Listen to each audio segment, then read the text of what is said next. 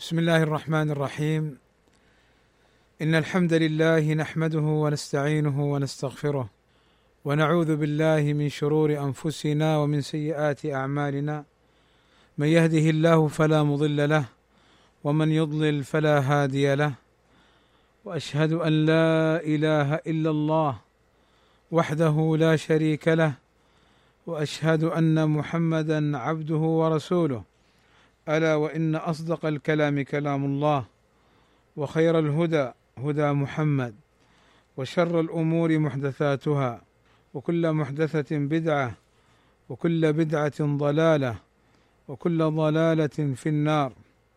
أما بعد فلا زال الحديث موصولا بدراسة مادة أصول الفقه ومدارسة كتاب الشيخ عبد الرحمن بن ناصر السعدي رحمه الله تعالى والذي سماه رسالة لطيفة في أصول الفقه. وقد توقفنا عند قوله رحمه الله تعالى وهذه الأحكام الخمسة أي الواجب والمستحب والحرام والمكروه والمباح تتفاوت تفاوتا كثيرا بحسب حالها ومراتبها وآثارها فما كانت مصلحته خالصة أو راجحة أمر به الشارع أمر إيجاب أو استحباب وما كانت مفسدته خالصة أو راجحة نهى عنه الشارع نهي تحريم أو كراهة. فهذا الأصل يحيط بجميع المأمورات والمنهيات. هذا الأصل ما هو؟ أن ما كانت فيه مصلحة خالصة أو راجحة أمر به الشارع وطلب فعله أمر إيجاب أو استحباب. وما كانت فيه مفسدة خالصة أو راجحة نهى عنه الشارع نهي تحريم أو كراهة. ومعنى قوله خالصة أي لا مصلحة فيه كالشرك والكفر. فهذا مفسدته خالصة. وما كانت مصلحته خالصة كالصلاة والصيام ونحو ذلك. فأقول بارك الله فيكم هذا بيان للحكمة التي شرعت لأجلها الأحكام الشرعية. فما كان واجبا أو مستحبا فلما فيه من مصلحة خالصة أي لا مفسدة فيها كوجوب الصلوات الخمس واستحباب النوافل استحباب نوافل الصلاة والصيام ونحوهما. وقد تكون المصلحة راجحة أي قد توجد بعض المضار لكن المصلحة أرجح. كالجهاد في سبيل الله تعالى لإعلاء كلمة الله ففيه قتل للمسلمين وتعرض للقتل وفيه أيضا هدر للأموال من وجه ولكن المصلحة المترتبة عليه أكبر بكثير من تلك المضار. وهنا أجدني مضطرا إلى أن أنبه سريعا إلى أن الجهاد الذي يحقق هذه المصالح هو الجهاد الشرعي. فالجهاد عبادة ويشترط في العبادة توفر الإخلاص وتوفر المتابعة لسنة النبي صلى الله عليه وسلم. فليس كل من رفع راية الجهاد وادعى أنه مجاهد هو مجاهد. فلا بد من أن يكون تحت راية ولي الأمر ولا بد أن يكون برضا الوالدين أو أحدهما إلا في الحالات المستثناة. ولا بد أن يكون الجهاد لإعلاء كلمة الله عز وجل. فهذا الجهاد فيه مصلحة راجحة. وإن كان هناك فيه بعض المضار كما سبق من تعرض بعض المسلمين للقتل أو الجرح أو ضياع الأموال. وقد يكون الأمر المحرم فيه مفسدة خالصة. كالزنا والنميمة بين الناس وقد تكون المفسدة راجحة على المصلحة كشرب الخمر. فالخمر على ما يقول الأطباء من كونه يشتمل على بعض المصالح للمعدة أو نحو ذلك وللبدن. ولكن مفسدته راجحة وأكثر وأكبر فحرم الخمر. وهذه الفائدة من الشيخ السعدي رحمه الله تعالى تظهر عند التعارض والترجيح بين المصالح والمفاسد. يعني إذا كانت المسألة مختلفا فيها فمنهم من يجوزها ومنهم من يحرمها فمراعاة المصالح والمفاسد الراجحة أو الخالصة تؤثر في الحكم أو ترجح أحد القولين. وأيضا كأن الشيخ السعدي رحمه الله تعالى يريد أن ينبه إلى أن الأحكام الواجبة وإن كانت جميعها توصف بالوجوب إلا أنها متفاوتة من جهة المصلحة والترتيب والأثر. ولا يعني هذا ما يعرف بجنس العمل لأن جنس العمل اولا قول محدث. وثانيا يتوصل به أي القول بجنس العمل يتوصل به إلى تخفيف أمر البدع وتهوين شأنها وهذا مخالف للإجماع. كأن يقال إن جنس الكبائر وجنس الصغائر وجنس البدع وجنس الزنا وجنس كذا أخف من كذا وكذا. فهذا مخالف للإجماع وأعني بالإجماع بارك الله فيكم. إجماع السلف على أن البدع أشد خطرا وأعظم إثما من المعصية.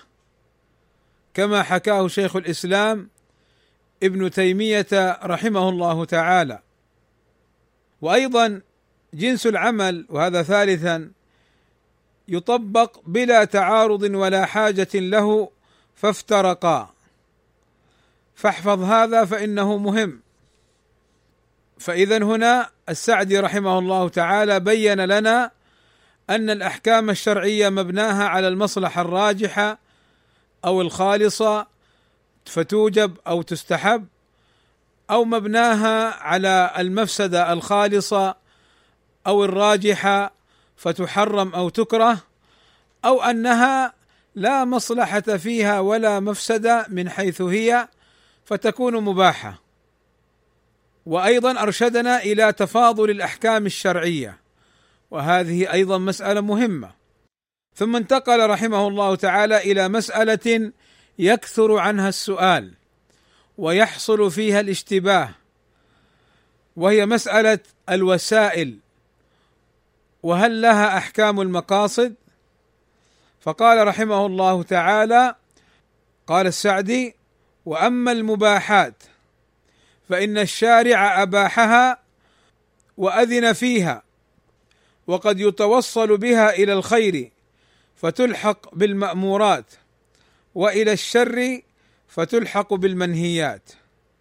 فهنا إذا كان الأمر المباح يتوصل به لأمر محرم فتلحق بالمنهيات أو يتوصل به إلى مفسدة فتلحق بالمنهيات تحريما أو كراهه إذا كان يترتب على المباح ويتوصل به إلى أمر فيه مصلحة راجحة أو خالصة فإنه يلحق بالمأمورات. قال الشيخ وأما المباحات فإن الشارع أباحها وأذن فيها وقد يتوصل بها يعني عن طريقها عن طريق فعلها ونحو ذلك وقد يتوصل بها إلى الخير يعني إلى المصلحة فتلحق بالمأمورات راجحة أو خالصة وإلى الشر فتلحق بالمنهيات. قال فهذا أصل كبير يعني أصل عظيم تندرج تحته مسائل كثيرة قال فهذا أصل كبير.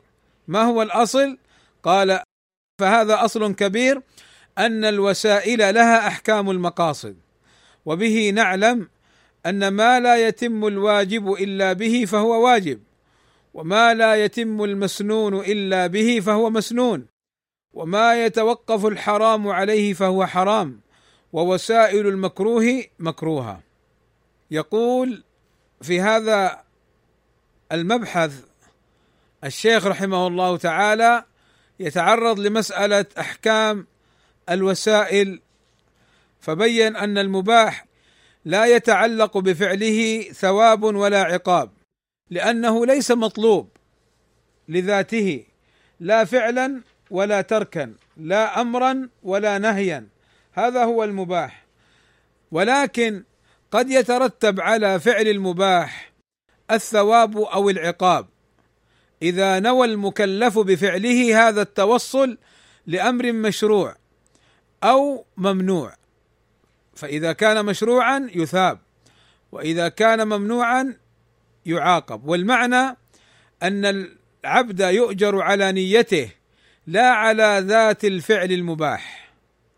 وشرطه أن لا تجعل هذه الوسائل مقاصد لذاتها. فتأخذ صفة الأمر المشروع من حيث هو حتى حتى لا يفتح باب البدع. هذا الشرط يا إخواني ويا أخواتي شرط مهم وضروري لأن أهل البدع كثيرا ما يتوصلون وكثيرا ما يتلاعبون بهذه المسألة.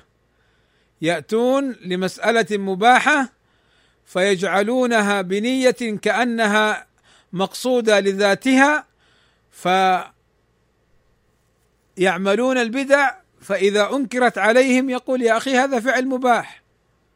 هذا فعل مباح. ولكن المنكر ما هو؟ المنكر أن يجعل الفعل المباح وكأنه مشروع لذاته. طيب السؤال ما الفرق بين المسألتين؟ ما الفرق بين ما قررناه سابقا وبين هذه المسألة؟ الفرق واضح بإذن الله تعالى. في الصورة الأولى أننا جعلنا الوسائل تبع للمقاصد فهي طريق لها وسبب لها وتوصل إلى مقصود شرعي. فمثلا الصلاة في الجماعة في المسجد واجبة. فالمشي أو ركوب السيارة وسيلة. فهنا المشي وسيلة إلى فعل الصلاة. فالمشي إلى الصلاة واجب مع أن المشي من حيث هو مباح. وأما في الصورة الثانية فمثلا إنسان يشد الرحال إلى القبور فيقول السفر مباح. فلماذا تنكر علي السفر وهو مباح؟ فنقول لا هنا جعلت السفر وإن كان مباحا جعلته عبادة وقربة لزيارة أهل القبور من أولياء أو صالحين أو غير ذلك والنبي صلى الله عليه وسلم يقول لا تشد الرحال إلا إلى المساجد الثلاثة فلذلك إخواني بارك الله فيكم هذا شرط مهم ودقيق وفارق في هذه المسألة بين البدع وغيرها. والمعنى أن العبد لو احتسب في العمل المشروع والمعنى أن العبد لو احتسب يعني استحضر النية في العمل المشروع في كل شيء يأتيه لكتب له بذلك الأجر والثواب. مثلا لو أن انسانا قال أنا سأنام مبكرا لأقوم قبل الفجر فأقوم من الليل. فأقوم من الليل وأقرأ شيئا من القرآن. فهنا النوم مباح ومن نام فلا فلا يعني من حيث هو النوم ما فيه شيء ما فيه لا ثواب ولا عقاب. ولكن لما يحتسب ويستحضر النية لهذا الأمر يؤجر لأنه جعل المباح وسيلة للطاعة المشروعة. وأيضا ذكروا مثالا لو أن إنسانا استحضر بأكله للطعام التقوي لقيام الليل ولحضور الجماعة ولفعل الخير فإنه يؤجر على هذه النية من حيث هي. فإذا المعنى أن العبد لو احتسب في العمل المباح النية في كل شيء يأتيه يعني يفعله لكتب له بذلك الأجر والثواب. ثم ذكر الشيخ أصلا وهو معنى القاعدة أن الوسيلة إلى الشيء تأخذ حكم المقصد ويعبر عنها في القواعد الفقهية وفي الضوابط الفقهية بقولهم الوسائل لها أحكام المقاصد. والوسائل أو الوسيلة هي الطريق إلى فعل الشيء أو الطريق إلى الشيء. فالوسائل جمع وسيلة. وهي الطريقة التي يتوصل بها إلى الشيء المراد. والمقاصد هي الأمور التي يقصدها المكلف العاقل البالغ كما مر معنا من فعل واجب أو مسنون أو محرم أو مكروه أو مباح. فلو أن إنسانا خرج من بيته ليعمل رياضة فقط فهذا أمر مباح. ولو أن إنسانا خرج من بيته ليؤذي الناس فهذا أمر محرم والمشي حرام لأنه وسيلة للمحرم وهكذا. فالخروج إلى صلاة الجماعة صلاة الجماعة واجبة على الرجال القادرين. لما كان هذا الواجب وهو صلاة الجماعة لا يتحقق إلا بالسعي بالمشي إليه فإن سعيه يأخذ حكم المقصد وهي الصلاة. جماعة وعلى هذا سعيه إلى المسجد يكون واجبا. وهذا هو معنى قولهم ما لا يتم الواجب إلا به فهو واجب. ما لا يتم الواجب إلا به فهو واجب. يعني الوسيلة لها حكم المقصد. ومحل هذه القاعدة ومحل هذه القاعدة فيما أمر به العبد مع القدرة عليه كالطهارة للصلاة لأن الواجب كما ذكر الأصوليون والفقهاء لأن الواجب ثلاثة أقسام. قسم ليس تحت قدرة العبد كزوال الشمس لوجوب صلاة الظهر فهذا ليس تحت قدرة العبد. وقسم تحت قدرة العبد يعني يفعله يستطيع فعله ولكن لم يؤمر بتحصيله. يعني لم يؤمر بفعله كالإقامة وعدم السفر للصيام. كالإقامة وعدم السفر للصيام. فالإقامة سبب لوجوب الصيام ولكن العبد لم يؤمر يعني إذا دخل رمضان أن لا يسافر. فله أن يقيم وله أن يسافر. فإن أقام وجب عليه الصيام. فمن شهد منكم الشهر فليصم. فإذا سافر فعدة من أيام أخر أي إذا أفطر. الإقامة وإن كانت توجب على المقيم المستطيع الصيام إلا أن المقيم أو المسلم لا يجب عليه أن يقيم ولا يحرم عليه السفر. فهذان القسمان لا يجب على المكلف فعلهما أو إيجادهما. أما القسم الثالث قسم تحت قدرة العبد يعني يستطيع أن يفعله مع أمر الشارع للعبد بفعله وتحصيله كالطهارة للصلاة. فإذا دخل وقت الصلاة وكان المسلم محدثا فإنه يجب عليه أن يتطهر. للصلاة. فهذا هو محل القاعدة. ما لا يتم الواجب إلا به فهو واجب.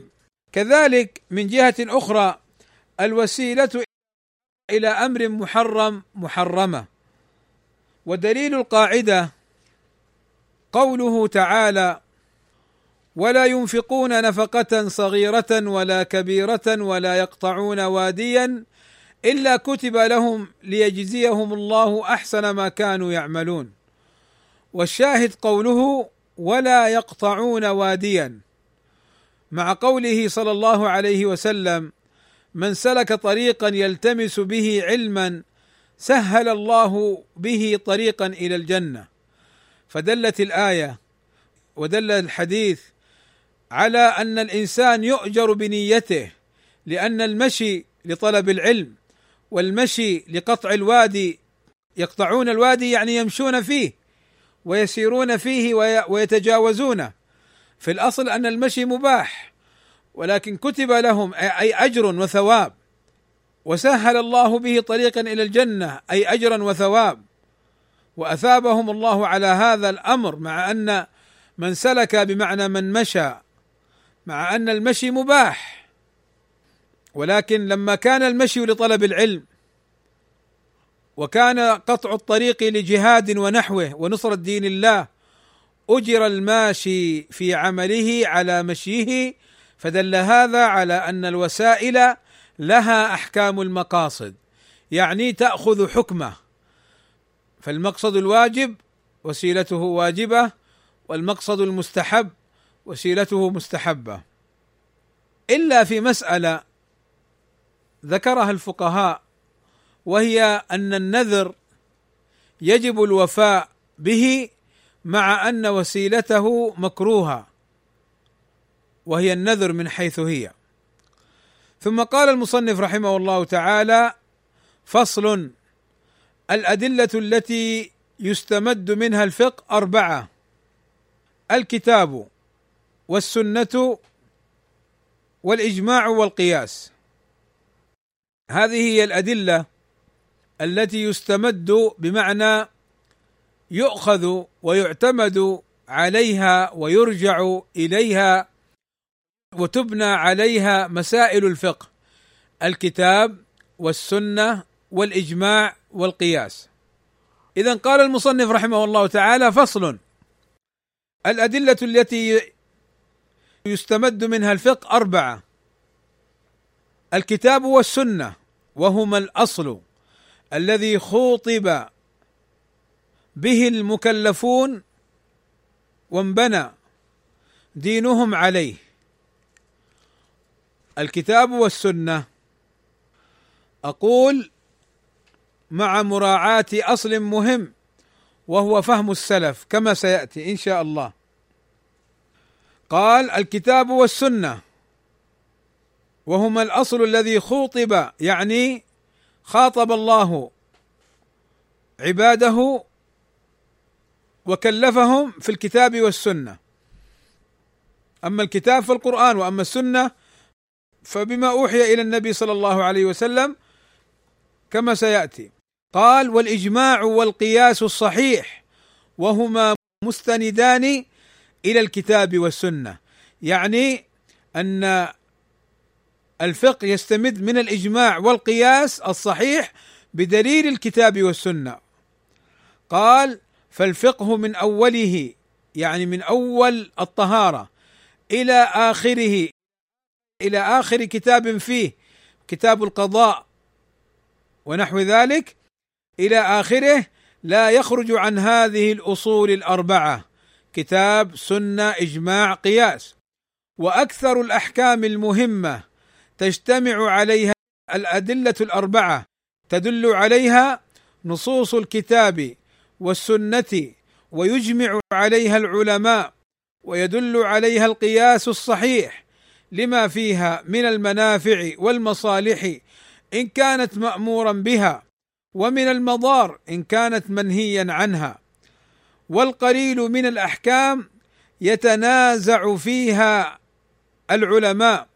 وأقربهم إلى الصواب فيها من أحسن ردها إلى هذه الأصول الأربعة.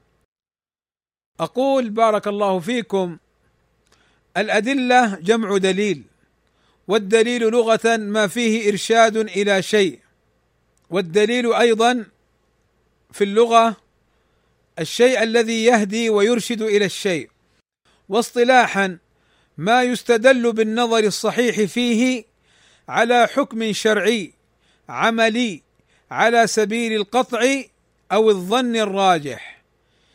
الدليل هو ما يستدل بالنظر الصحيح فيه على حكم شرعي على سبيل القطع أو الظن الراجح. يعني قد تكون الدلالة قطعية واضحة لا إشكال فيها تلك عشرة كاملة أو تكون الدلالة دلالة ظنية راجحة.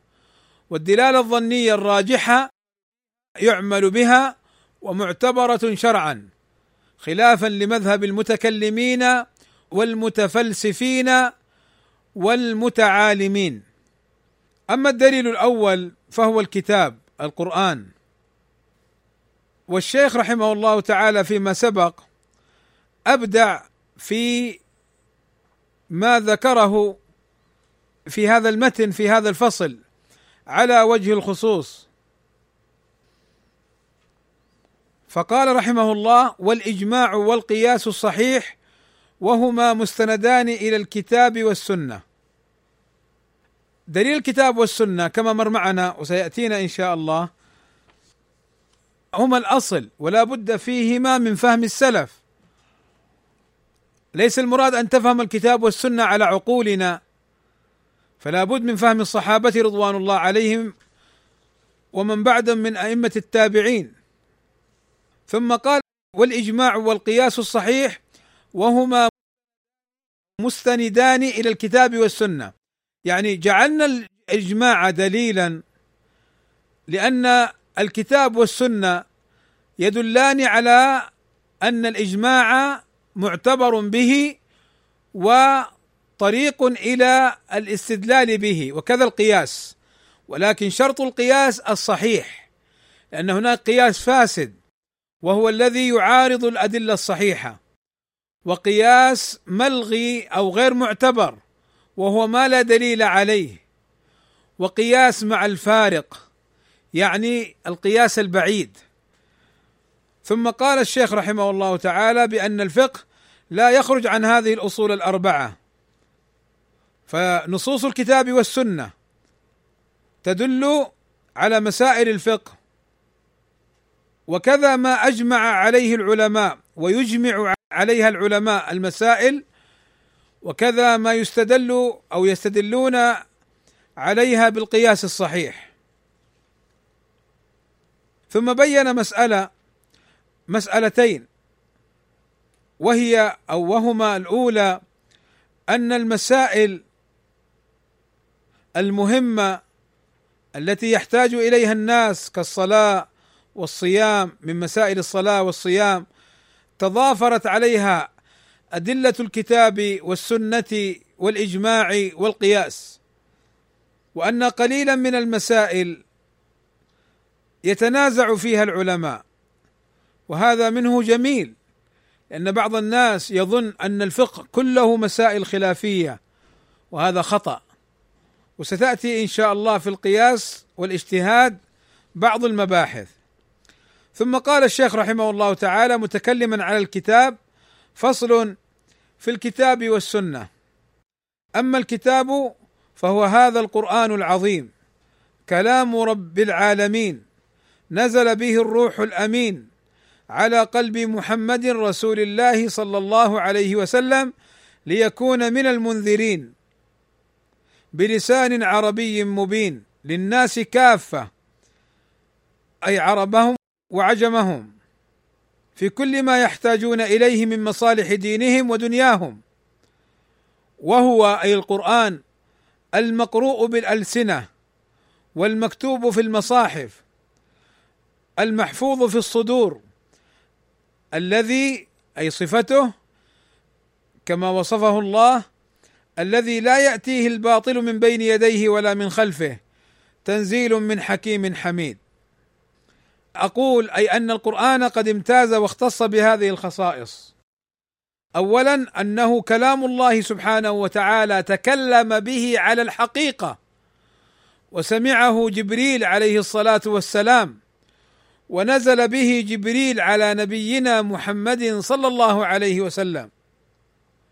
كما قال عز شأنه وإن أحد من المشركين استجارك فأجره حتى يسمع كلام الله وأن القرآن نزل بلسان عربي مبين كما ذكر الله عز وجل بلسان عربي مبين. وأن النبي صلى الله عليه وسلم بعثه الله عز وجل بهذا الدين وبهذا القرآن لجميع الناس من العرب والعجم وأن هذا الكتاب شامل لما يحتاج إليه الناس في أمور دينهم ودنياهم. ما فرطنا في الكتاب من شيء. وهذه الآية معناها كما يقول ابن قيم الجوزية وغيره من أهل العلم أن القرآن اشتمل على كل ما يحتاج إليه الناس إما تنصيصا عليه وإما إشارة ودلالة إلى ما يدخل فيه. وأن هذا القرآن متعبد بتلاوته في الصلاة فهو مقروء بالألسنة وأن هذا القرآن محفوظ في الصدور إلى أن يرفعه الله عز وجل من الصدر ومن السطر وأنه محفوظ من التغيير والتبديل والزيادة والنقصان. كما وعد الله عز وجل وذكر بقوله إنا نحن نزلنا الذكر وإنا له لحافظون وحفظ القرآن يتضمن حفظ السنة لأن السنة هي المبينة للقرآن. وقوله تعالى وإنا له لحافظون أي لحروفه ومعانيه. فالحروف من جهة النقل. فالقرآن منقول نقلا متواترا. والمعاني من جهة تفسيره وبيان معانيه. من السنة ومن آثار الصحابة رضوان الله عليهم وأئمة التابعين. ولذلك لم يستطع المغرضون والمفسدون والملحدون أن يطعنوا في كتاب الله عز وجل إلا وفضحهم الله عز وجل وتبين تناقضهم ورجعوا خائبين خاسرين. ثم قال الشيخ رحمه الله تعالى وأما السنة فإنها أقوال النبي صلى الله عليه وسلم. وأفعاله وتقريراته على الأقوال والأفعال. يعني أن السنة أقول السنة لغة الطريقة محمودة كانت أو مذمومة. سنة فلان أي طريقته في الخير أو الشر. وأما السنة في الاصطلاح عند الفقهاء ما عرفه المصنف هنا بقوله أقوال النبي صلى الله عليه وسلم وأفعاله وتقريراته على الأقوال والأفعال. أما أقواله فمثل قوله صلى الله عليه وسلم إذا صلى أحدكم إلى سترة فليدن منها. وأما أفعاله كصلاته صلى الله عليه وسلم وغرز العنزة بين يديه. وأما تقريراته فكأن يقول القائل بين يديه كلاما أو أن يفعل بحضوره صلى الله عليه وسلم فعلا فيقره ولا ينكره فهذا يدل على مشروعيته. مثل أكل الضب فأكل الضب أكل بحضور النبي صلى الله عليه وسلم. فهذا يقول العلماء النبي صلى الله عليه وسلم أكل الضب وهو حاضر. فهذا دليل على إباحة أكل الضب. فإن قيل النبي صلى الله عليه وسلم ما أكل منه وعافه نقول ولكن الصحابة أكلوا منه والنبي صلى الله عليه وسلم يراهم ولو كان محرما لنهاهم. ولو كان محرما لنهاهم. وهذا هو معنى قول السعدي رحمه الله تعالى وتقريراته على أقوال وأفعال الصحابة بحضوره. طيب فإن قيل لماذا لم يقل المصنف رحمه الله تعالى لم يذكر في تعريف السنة آه، صفات النبي صلى الله عليه وسلم؟ الخلقية أو الخلقية؟ الخلقية ككرمه وشجاعته أقول هذه تدخل في أفعاله. وأما الخلقية ككونه صلى الله عليه وسلم ليس بالطويل ولا بالقصير كان أبيض مشرب بحمرة أدعج العينين عريض المنكبين إلى إلى آخره من صفاته صلى الله عليه وسلم فهذه الصفات لا تتعلق بها أحكام فلا يعني يستند إليها الفقيه. وبالتالي لم يذكر هنا الصفة لما سبق. لم يذكر هنا الصفة لما سبق. أما الصفات الخلقية كالكرم والشجاعة والجود و و و إلى آخره فتدخل في أفعاله. وأما الصفات الخلقية كلونه وطوله وصفة شعره ولحيته صلى الله عليه وسلم وبأبي هو وأمي عليه الصلاة والسلام فإنها لا تتعلق بها أحكام.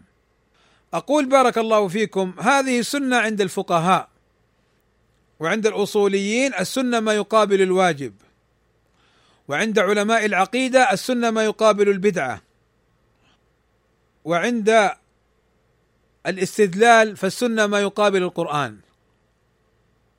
هنا أيضا ننبه على مسألة مهمة أو على مسألتين مهمتين. ولعلي أختم بهما الكلام. فأقول المسألة الأولى السنة مع القرآن كما قال الشافعي رحمه الله تعالى في كلام معناه لها ثلاثة أحوال. إما أن تكون مؤكدة أو مبينة شارحة أو زائدة. الحالة الأولى أن تكون السنة مؤكدة أي موافقة للدليل القرآني. فالله عز وجل أمرنا بإقامة الصلاة. والنبي صلى الله عليه وسلم يقول بني الإسلام على خمس وذكر منها إقامة الصلاة. فهنا السنة مؤكدة وموافقة للقرآن. الحالة الثانية أن تكون السنة شارحة ومبينة للقرآن. فالله أمرنا بالصلاة. والنبي صلى الله عليه وسلم بين لنا الصلاة أوقاتها وشروطها وواجباتها ومستحباتها.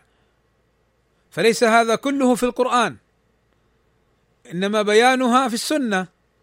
وكذا الزكاة وكذا القرآن. والسنة تبين القرآن وتفسره وتوضحه. وهذا دليله في القرآن.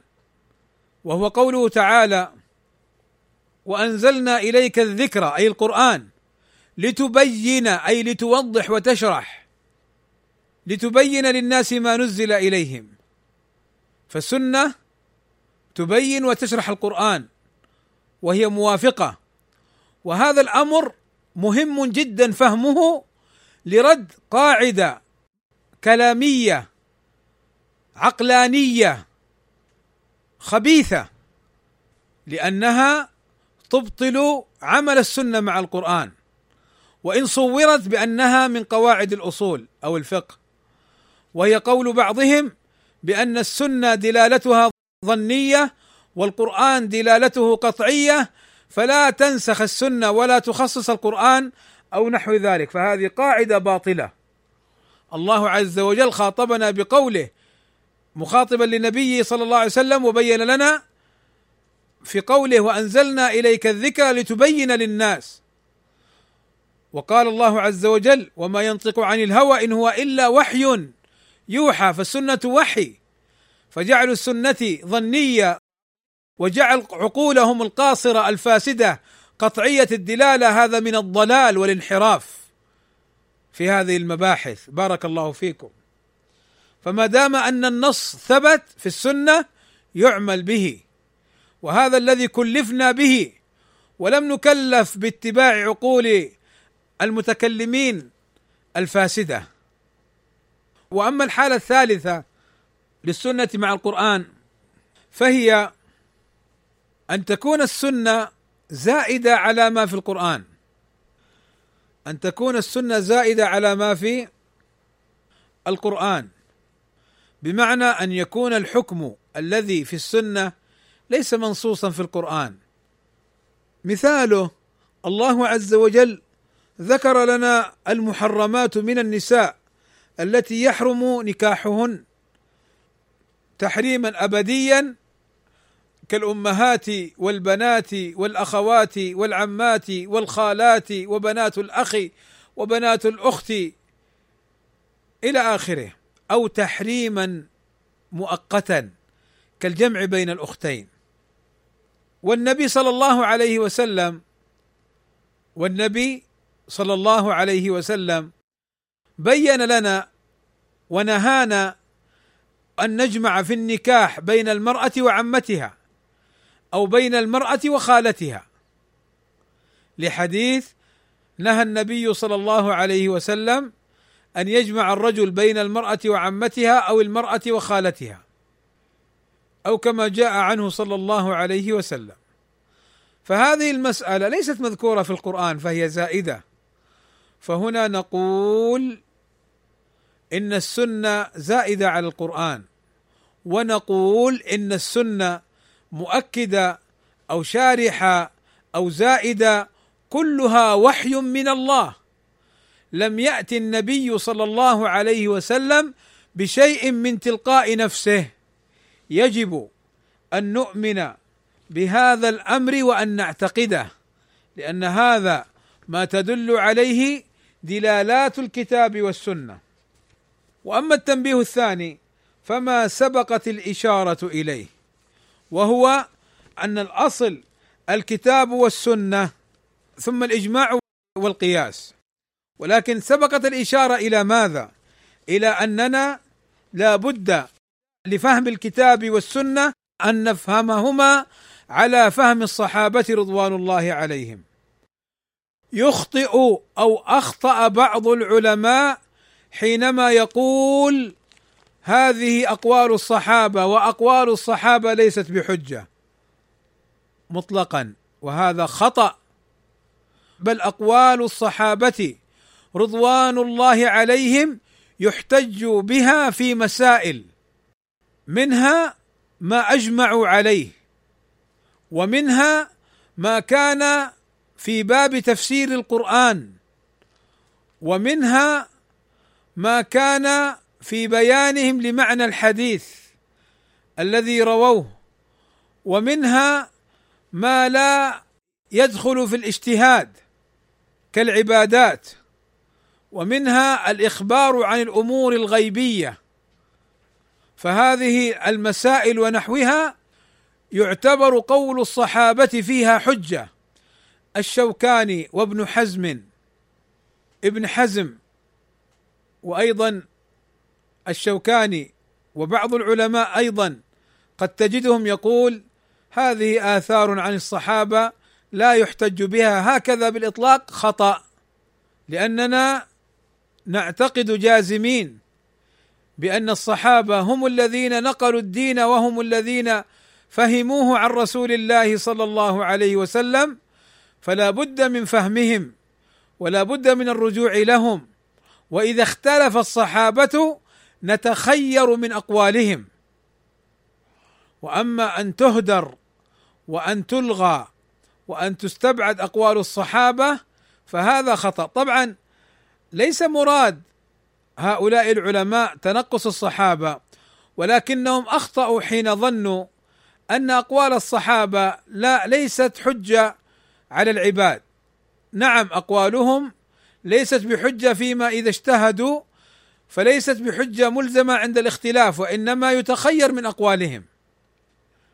كما نص على ذلك الأئمة بارك الله فيكم وهذه القاعدة هي صمام الأمان لأهل السنة السلفيين وهي السيف القاطع لشبهات أهل الزيغ والانحراف وشبهات الجماعات السياسية وشبهات أهل البدع والضلال لأنهم يزعمون أنهم يطبقون الكتاب والسنة.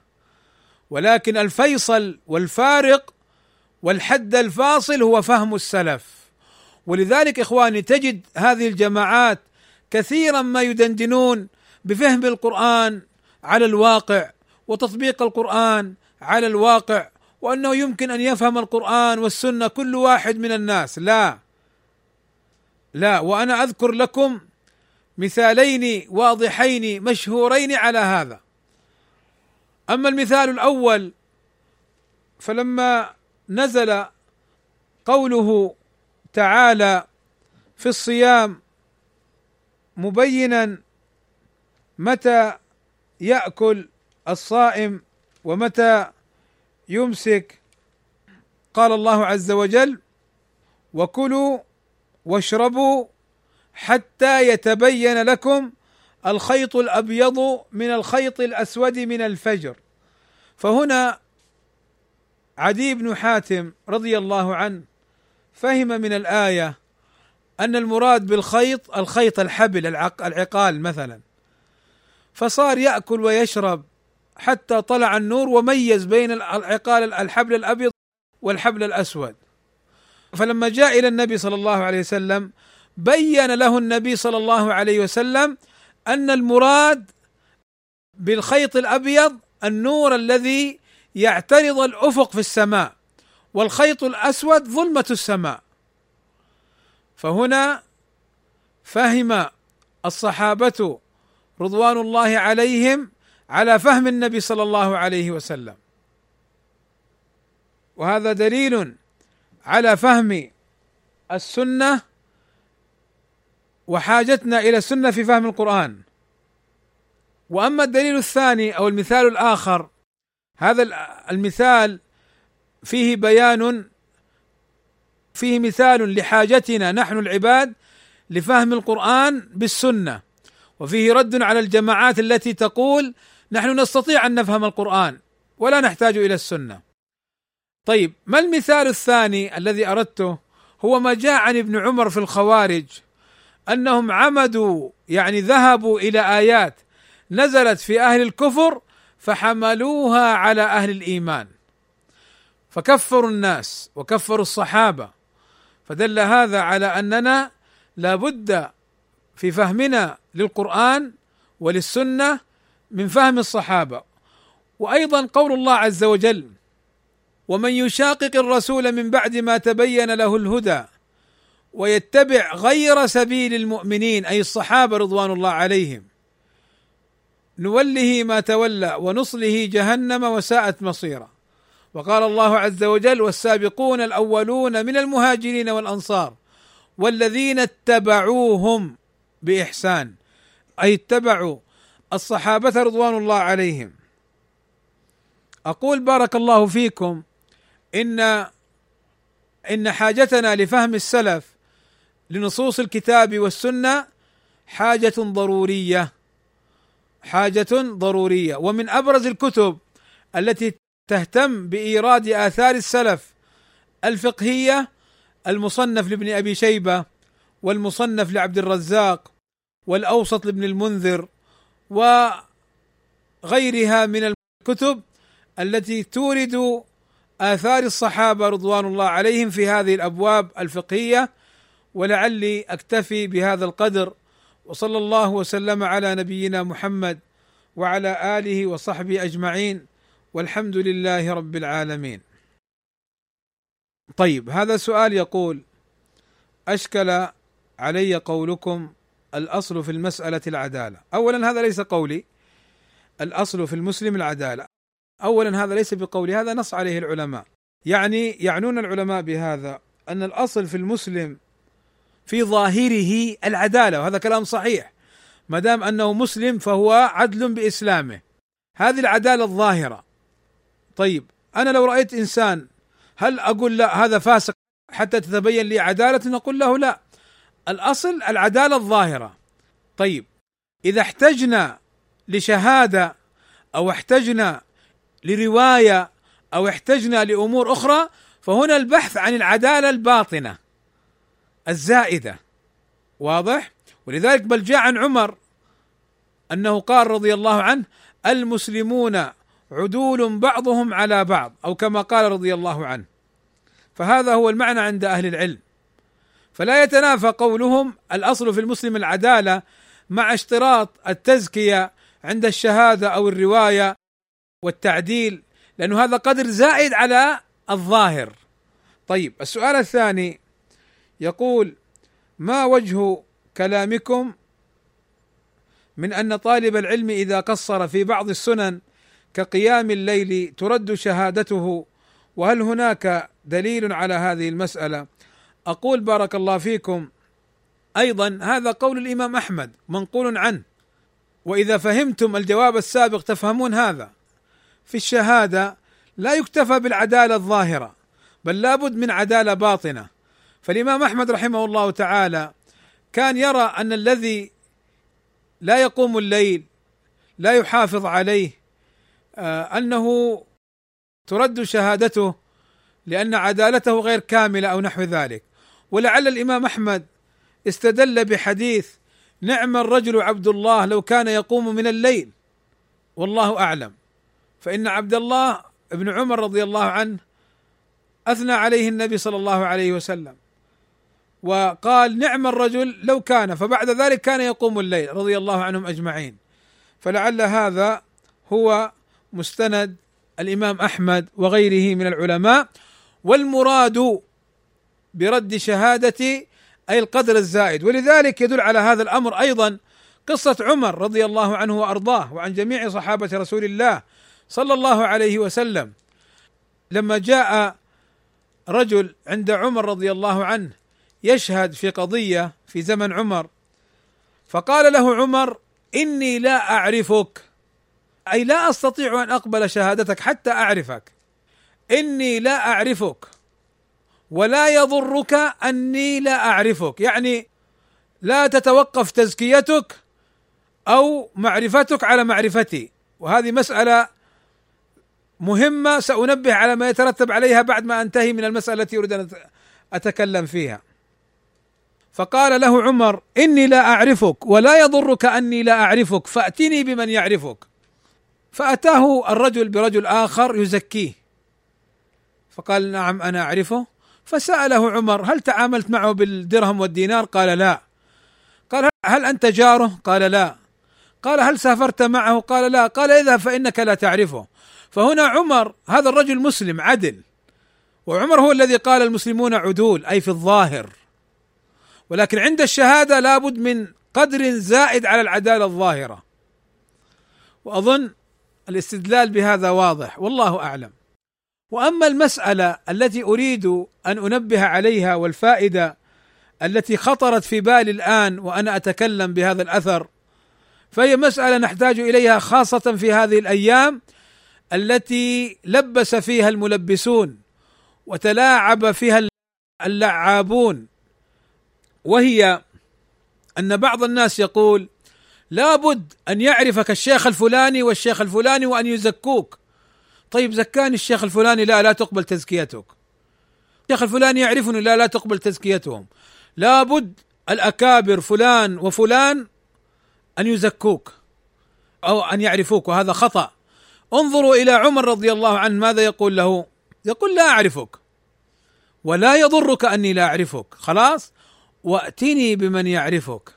فاذا إذا عرف الإنسان شخص آخر غير فلان وفلان يعني ممن يدعي هؤلاء المتعالمون الجاهلون اللعابون أنه لابد أن يزكيه فلان وفلان من الأكابر فهذا قول باطل عاطل مخالف للمنهج السلفي.